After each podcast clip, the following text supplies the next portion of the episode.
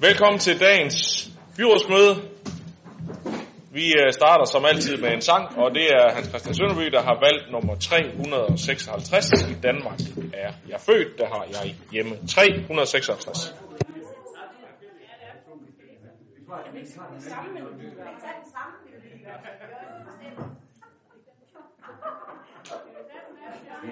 I Danmark er jo, i Danmark er jeg født, der har jeg hjemme. Der har jeg boet, der fra min verden går. Du danske sprog, du er min moders stemme. Så sødt velsignet du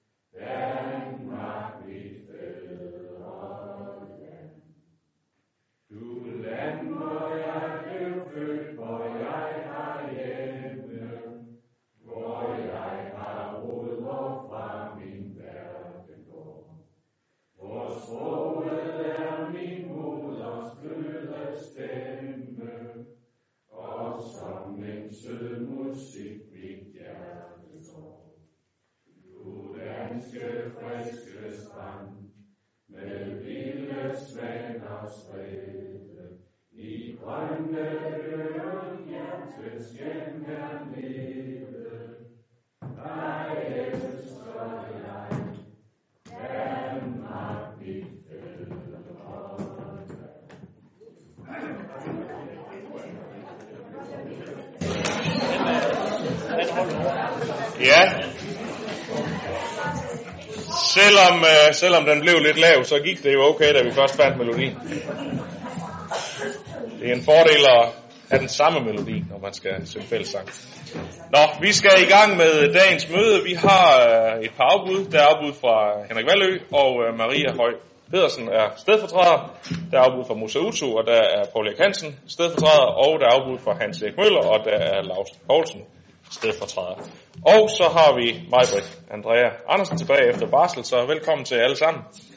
Nu kan vi gå i gang med dagens dagsorden, og inden vi går i gang med det, så, øh, eller i for, under, under godkendelse af dagsordenen, som jo er punkt 1, der øh, har Diana Mus Olsen foreslået, at vi bytter rundt på punkt 7 og punkt 8, således at vi vedtager retningslinjer først, før vi snakker om økonomiske konsekvenser. Det er nok, synes jeg, en meget god model, så hvis I ellers er enige i det, så behandler vi punkt 8, før vi behandler punkt 7.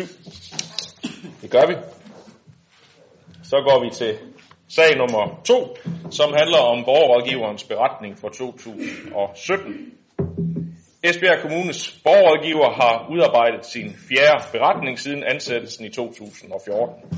Beretningen redegør for henvendelser og aktiviteter i 2017. I beretningsperioden har der været 366 borgere, der har henvendt sig til borgerrådgiveren. Det svarer gennemsnitligt til 30 borgere per måned cirka, og det er faktisk en stigning i forhold til den forrige beretning.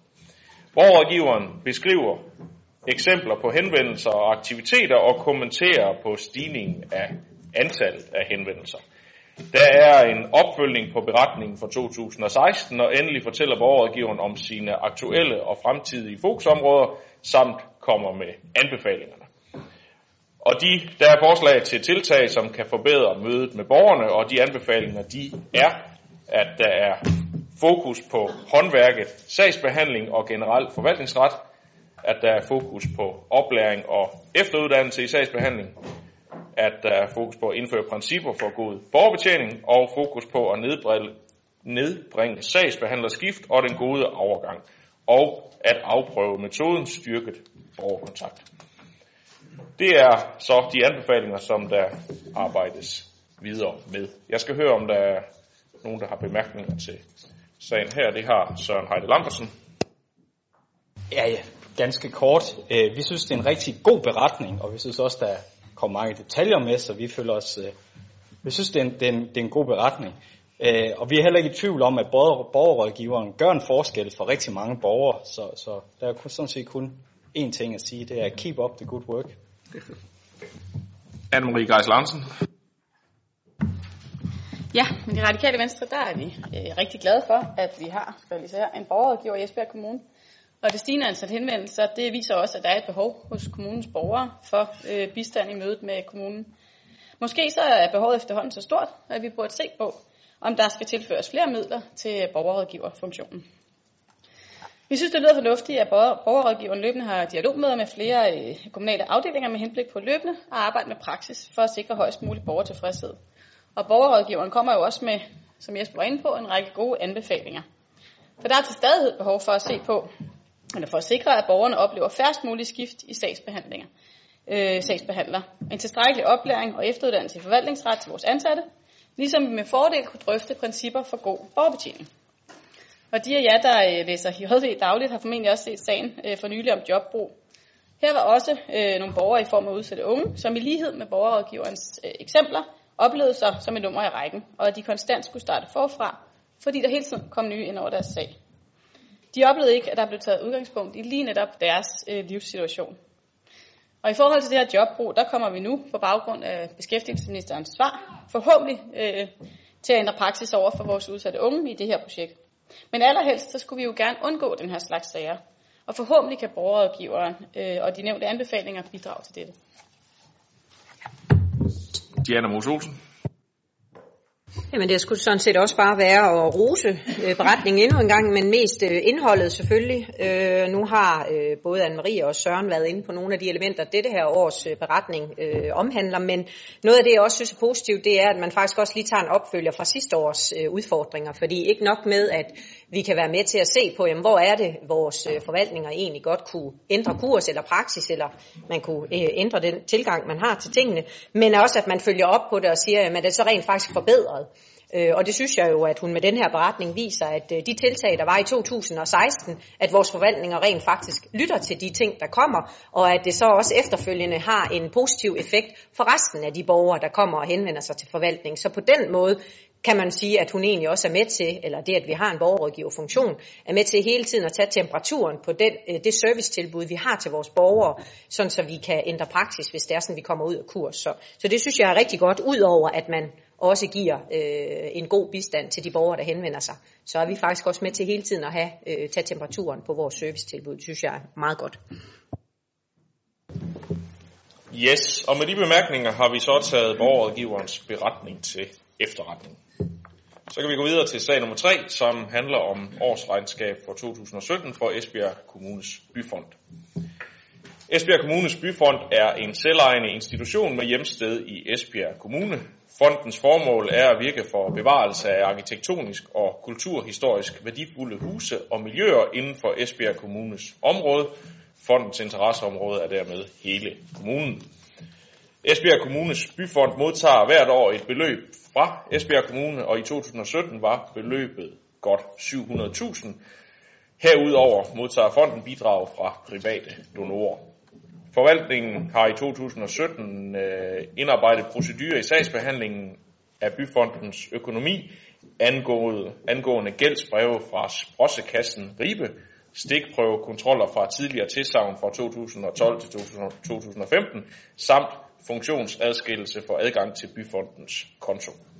For regnskabet 2017 er der et underskud på 6.500 kroner, der dækkes af fondens øvrige aktiver. Fondens aktiver udgør ca. 3,9 millioner, der primært er bundet i tinglyste pantebreve og gældsbreve. Egenkapitalen udgør 2,9 millioner kroner. Så jeg skal høre, om der er bemærkninger til det, eller vi hermed kan godkende regnskabet. Det kan vi. Går vi videre til sag nummer 4, som er en bemyndigelse til at søge værgemål for borger- og arbejdsmarked. Byrådet har efter regler i værgemålsloven kompetence til at anmode statsforvaltningen om at iværksætte, ændre eller ophæve værgemål for borgere, der i den konkrete situation ikke er i stand til at varetage egne anlægninger. Byrådet har mulighed for at uddelegere denne kompetence til konkrete medarbejdere ansat i kommunen. Det er sådan, at øh, der aldrig må etableres et værgemål, der er mere vidtgående end borgerens konkrete behov tilsiger. Der findes borgere på botilbud og i egen bolig, der modtager støtte fra borger- og arbejdsmarkedet, hvor der kan opstå behov for etablering af værgemål. Har disse borgere ikke en nære pårørende, kan der, kan, der kan anmode om etablering af værgemål, har det vist sig behov for, at byrådet anmoder herom. Britta Martinsen og Bodil Nissen er for tiden bemyndiget, men da begge er fratrådt deres stillinger, foreslås bemyndigelsen givet til to andre medarbejdere, og det er Elsa Sibor og Maiken Skalborg Schmidt. Så jeg skal høre, om der er nogle bemærkninger til det. Det er der ikke, så det har vi hermed også gjort. Så når vi til sag nummer 5, som handler om en sammenlægning af Ribe Jernindustri Boligselskab og Ribe Boligforening. Byrådet orienteres i denne sag om, at Ribe Jernindustris Boligselskab den 1. juli 2018 er sammenlagt med Ribe Boligforening og med Ribe Boligforening som den fortsættende organisation. Og der er faktisk ikke så meget mere at sige til det, så det skal jeg bare høre, om der er bemærkninger til. Det er der ikke. Det har vi så hermed lyttet til. Så når vi til sag nummer 6, der handler om øh, Bramming Boligforening og Rådhusgrunden i Bramming. Bramming Boligforening har med baggrund i byrådets beslutning den 19. december 2016 og den 19. marts 2018 indsendt skema A-ansøgning på 50 familieboliger på Rådhusgrunden i Bramming, hvor Esbjerg Kommune er grundsælger. Projektet omfatter både etagebyggeri og tæt lave boliger. Boligerne er henholdsvis 2, 3 eller 4 rums på mellem 81 og 115 kvadratmeter. Boligerne opføres, hvor det er muligt som gennemlyste. Materialerne, der anvendes til byggeriet, er nutidige og driftsøkonomiske materialer. For projektet er der beregnet en øh, maksimal anskaffelsesum på ca. 98 millioner kroner. Heraf skal Esbjerg Kommune yde grundkapital tilskud på 10%, hvilket svarer til 9,8 millioner. Ved skema-ansøgningen har Bramming øh, Boligforening oplyst en anskaffelsesum på 93,5 millioner kroner. Huslejen er beregnet til 6.150 kroner eksklusiv forbrug ved en bolig på 91 kvadratmeter. Bramming Boligforening vurderer, at huslejeniveauet ikke vil medføre udlejningsbesvær, da boligerne får en god beliggenhed i Bramming. Esbjerg Kommune skal yde garanti for den del af lån, der ligger ud over 60% af den værdi, der fastsættes af långiver. Så jeg skal høre, om der er bemærkninger til det, eller vi hermed kan godkende skema A og få gang sat nogle rigtig spændende almene boliger i Bramming. Det har Søren Heide Lambersen. Ah, bare, bare den lille bemærkning, at det glæder os, at det nu lykkes øh, at opføre 50 boliger så centralt i Bramming. Vi er helt sikre på, at, at der bliver nok ikke det store problem med at udleje øh, de her boliger. Så, så det glæder os. Det tror jeg glæder os alle, så det er et rigtig spændende projekt. Godt. Og så er det, vi øh, ændrer lidt på rækkefølgen, og nu øh, går til sag nummer 8, som handler om retningslinjer for deltidspladser til børn med forældre på overlov efter barselsårloven. En sag for børn- og familieudvalg, så Diana Mose Olsen, formand. Derfor du for ordet. Værsgo. Tak for det. I den seneste halvårs tid, der har vi i byrådet haft en række sager, der udspringer af regeringens udspil om styrket kvalitet i dagtilbud, øget fleksibilitet og frit valg for forældrene. Og det er også tilfældet i den her sag, der netop giver forældrene bedre fleksibilitet til at tilrettelægge hverdagen, så den passer til deres familier. Fra januar 2019, der giver dagtilbudsloven børn ret til at få en deltidsplads på 30 timer om ugen i et dagtilbud, når deres forældre er på overlov efter barselsloven. Det kan være i forbindelse med graviditet, fødsel og adoption, eller hvis forældrene vælger at genoptage arbejdet delvist eller holder forældreoverlov. Udover bestemmelserne i loven, så kan vi i byrådet sætte retningslinjerne for de praktiske rammer omkring deltidspladsen. Og i børnefamilieudvalget, der foreslår vi for eksempel, at tidsrummet for en deltidsplads skal være mellem 9 og 15, og at forældrene mindst skal have 7 timers fravær om ugen fra deres job for at få en deltidsplads. I forhold til de økonomiske konsekvenser i forhold til de her deltidspladser, så følger de så i en særskilt sag om det. Og på den baggrund indstiller børnefamilieudvalget og økonomiudvalget til byrådet, at retningslinjerne for deltidspladser til børn med forældre på overlov efter barselsloven godkendes, og at retningslinjerne de bliver evalueret i juni 2019 og forelægges børnefamilieudvalget med henblik på at sende forslaget til endelige retningslinjer i høring i forældrebestyrelserne. Det ser det ikke ud til, at der er nogen, der har behov eller lyst til at kommentere yderligere, så det er det, vi gør. Så springer vi tilbage til sag nummer 7 og kigger lidt på de økonomiske konsekvenser for samme område. Så Diana, du får ordet igen. Ja, tak. Og den her sag hænger så sammen med den foregående, som egentlig var den anden, og handler om de økonomiske konsekvenser af det nye øh, tilbud om deltidspladser. Vi ved faktisk overhovedet ikke, hvor mange forældre, der ønsker at benytte sig af ordningen, men vi tror på og forventer, at den vil være attraktivt for forældrene. En deltidsplads betyder, at forældrenes egenbetaling den bliver mindre, fordi den højst må udgøre 25 procent af de budgetterede bruttodriftsudgifter. Fra regeringen og KL's side, så er det ikke en forudsætning, at deltidsbørn udløser en lavere normering, men det er så samtidig op til den enkelte kommune at bestemme serviceniveauet i deltidspladserne. Hermed øh, underforstået, at vi også skal betale det hele selv. For at sikre et uændret serviceniveau i Esbjerg Kommune, ja, så anbefaler vi i børnefamilieudvalget, at personals timetal i daginstitutionerne bliver justeret efter den nye ordning for deltidspladser. Det betyder så også, at vi reducerer personals timetal som konsekvens af, at nogle børn får en deltidsplads, og derfor opholder sig flere timer i daginstitutionen. Personalstimer bliver tilpasset for åbningstiderne for deltidspladserne. På grund af overenskomsten i forhold til dagplejen, så er det ikke muligt på samme måde at sætte dagplejernes timetal ned i forhold til deltidspladser. Der er ligesom kun én, så i forhold til de tre andre børn, der er der, kan man ikke rigtig give hende fri. Og som I kan se i sagsfremstillingen, så er der to andre alternativer til at fastlægge forældrebetaling. Men fordi lovændringen jo faktisk først træder i kraft i januar 19, så har vi overhovedet ingen konkrete erfaringer med tilbuddet om deltidspladser eller omfanget af interesser for forældrene. Og børne- og familieudvalget foreslår derfor, at vi evaluerer både retningslinjerne og den økonomiske model i juni 19. Så har vi samlet erfaringerne fra det første halvår, og vi har også samtidig et grundlag for at vurdere søgningen til deltidspladserne og dermed også de økonomiske konsekvenser. 2019 ser vi derfor som et indkøringsår, og børne- og dagtilbudsbudget bliver først reguleret for deltidspladserne ved regnskabsårets afslutning.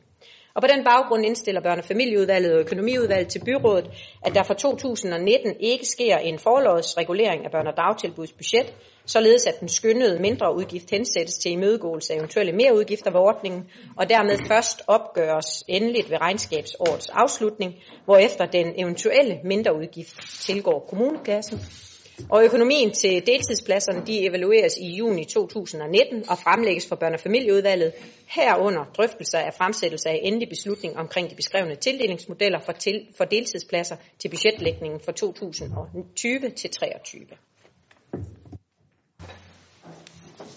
Det er der heller ikke nogen, der har behov for at kommentere yderligere. Det lyder meget fornuftigt, og lad os øh, nu øh, følge tingene og se, hvordan det udvikler sig. Så vi følger indstillingen her. Enstemmigt. Vi går til øh, sag nummer 9 nu, som er en ansøgning om udvidelse af børnetallet i privatinstitutionen Blommuslingen. Det er også en sag for børne- og familieudvalget, så du får ordet igen, Diana. Jo tak, den er straks lidt mere lige til.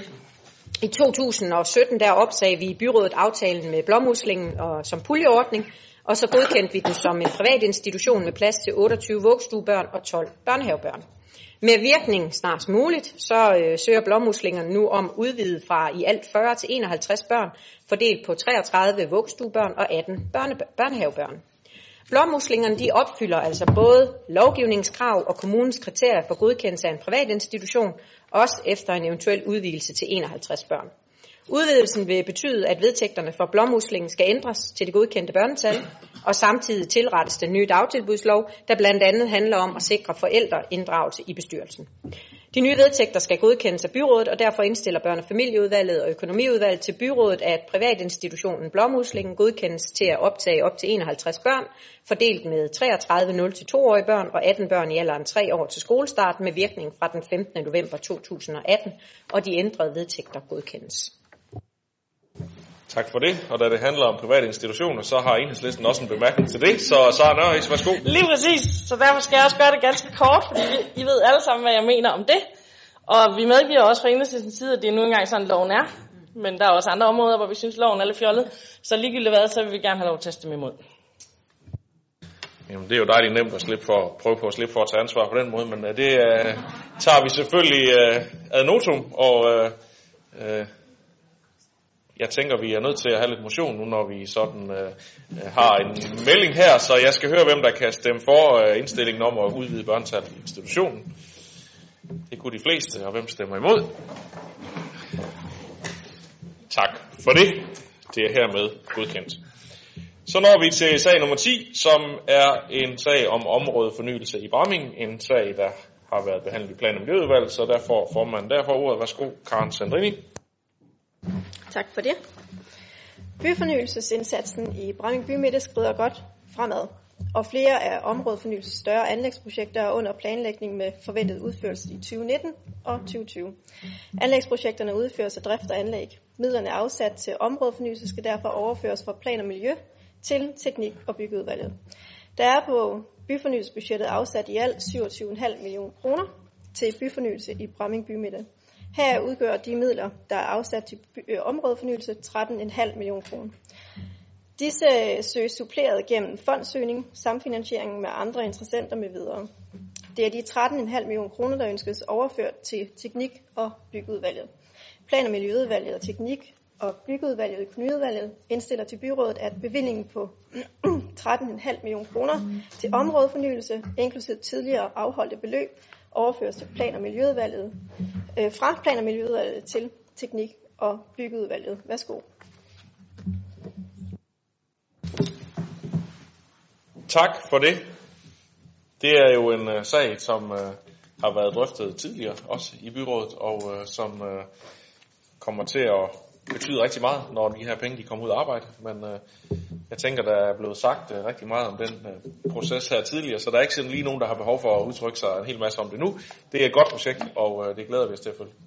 Så vi øh, har hermed godkendt indstillingen og går videre til sag nummer 11, som er øh, en sag fra enhedslisten omkring åbne og lukkede om referater fra lukkede punkter. Det er det, det handler om. Så Sara, du får øh, lov til at sige lidt til det. Værsgo. Tak skal du have. Ja, fordi det her, og det handler faktisk ikke om så, for så vidt selve referatet, fordi der står jo som, som oftest godkendt, og nogle gange så, står der så, at enhedslisten har stemt imod. Ikke? Øh, men, men det handler jo om både sagsfremstillingen og referatet i forhold til, at øh, borgerne kan gå ind og se, hvad vi egentlig har besluttet.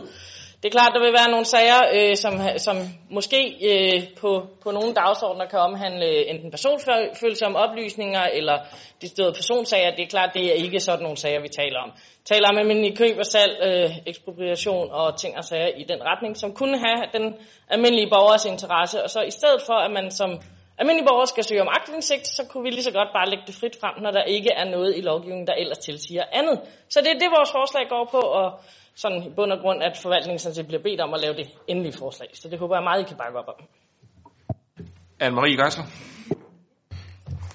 Jamen i Radikale Venstre, der er vi store fortalere for øget åbenhed og gennemsigtighed, og derfor så hilser vi også enhedslisten, enhedslistens forslag velkommen. Det er et rigtig fint uh, tiltag, som bidrager i den retning, og som vi ikke selv havde fået idéen til. Øhm, vi er dog bare lidt betænkelige ved den del, der omhandler at gå tilbage i øh, gamle referater. At gennemgå dem. Fordi hvor langt skal vi da gå tilbage, og hvor mange ressourcer skal vi bruge på det? Så i vores optik, der er det væsentligste, at vi sikrer en ændret praksis fremadrettet. Jakob Lose. Jamen, jeg kan sådan set gøre det relativt kort, fordi at, øh, vi i Venstre er meget enige med det, som Anne-Marie også lige har sagt. Øhm, vi synes også, der er selvfølgelig er forskel på. Der bliver nævnt fire forskellige typer øh, sager, som der kan være øh, hvad hedder det, lukkede dagsordenspunkter på. Og der, der er selvfølgelig stor forskel på, hvad konsekvensen er at, at frigive øh, forskellige referater fra de forskellige typer dagsordenspunkter. Og derfor så håber vi også på, at man, når forvaltningen kigger på det her, også selvfølgelig går ind og kigger lidt i, hvad er det, der, der kan give mening at åbne op. Og som Marie, hun også sagde, så er vi heller ikke med på, at vi skal bruge en masse krudt på at, at frigive en masse gamle referater, fordi at, øh, det er en meget, meget stor opgave, som tror jeg har en meget begrænset værdi. Diana Mos Olsen. Ja, vi kan i lighed med de andre bakke øh, rigtig meget op omkring enhedslistens forslag her. Vi går meget ind for åbenhed og transparens, og derfor er vi meget enige i det, der står. Jeg synes, det vil være uheldigt, hvis vi slet ikke går, øh, overhovedet går tilbage i noget af det, vi allerede øh, har besluttet. Øh, vi har for eksempel en, en byrådsperiode lige i øjeblikket, der er trådt i kraft fra indeværende år. Så jeg synes da sådan set, at vi skulle, nu kan forvaltningen blive bedt om at, at, at kigge på, på øh, et notat og få det, øh, få udarbejdet forslag til retningslinjer, og så kan vi jo efterfølgende træffe beslutning om, hvorvidt vi ikke skal gå lidt tilbage, sådan så nogle af de sager, vi efterfølgende skal behandle, jo egentlig også bliver set i øh, sådan et lidt mere åbent lys. For nogle af sagerne vedrører den her byrådsperiode, og så vi kommer også til at handle på dem. Så jeg vil egentlig foreslå, at vi øh, beder forvaltningen om at lave de her forslag til retningslinjer, og så efterfølgende tager vi stilling til, hvor langt tilbage skal man gå. Majbrit André Andersen. Ja, tak for det. Jeg vil sige, at i det konservative Folkeparti, der er vi meget positive over for det her forslag. Øhm, vi har øh, meget ofte talt om, at vi gerne vil have en større transparens, øhm, og det er i hvert fald en af de ting, som, øh, som den her sag løfter, kan man sige. Øhm, som Anne-Marie og Jakob Lose også var inde på, der er vi også lidt skeptiske i forhold til, hvor langt skal vi egentlig gå tilbage, altså hvor ressourcekrævende bliver det så. Øhm, jeg er sikker på, at øh, de gode folk, vi har, som arbejder her i, i kommunalt regi, de har rigeligt at se til i forvejen. Men, øh, men for min skyld kan, vi godt, øh, kan jeg godt gå med på det, Diana hun også foreslår her, at vi øh, lader forvaltningen se på det, og så drøfter vi efterfølgende, om der måske kunne være en åbning for, at, øh, at vi går en lille smule tilbage. Tak. Søren Heide Lambertsen. Ja, jeg havde planlagt at sige åbenhed og transparens, det, men øh, det går vi som sagt øh, også ind for. Øh, og, og på lige fod øh, med Diana øh, og mig, Britt, så, så det her, lad os for, forvaltningen til at kigge på, øh, hvad giver mening i forhold til, og ikke at kigge for langt tilbage, og hvordan retningslin- retningslinjerne skal laves. Øh, så vi bakker også op om Godt, så jeg kan konkludere, at der sådan er hele vejen rundt er opbakning til, at der bliver kigget på tingene og bliver lavet et forslag til retningslinjer, så kan det jo være, at vi kommer til at drøfte der, om, der, om, der, om vi nu er helt enige om, hvad de så er, de retningslinjer, de skal indeholde. Men øh, da jeg ikke øh, hører nogen, der taler imod, så tillader jeg mig at konkludere, at alle er enige i, at vi øh, bakker op om indstillingen i øh, enhedslistens forslag. Det er det, vi gør. Det var faktisk øh, afslutningen på den åbne del af byrådsmødet, så øh, tak fordi I kom.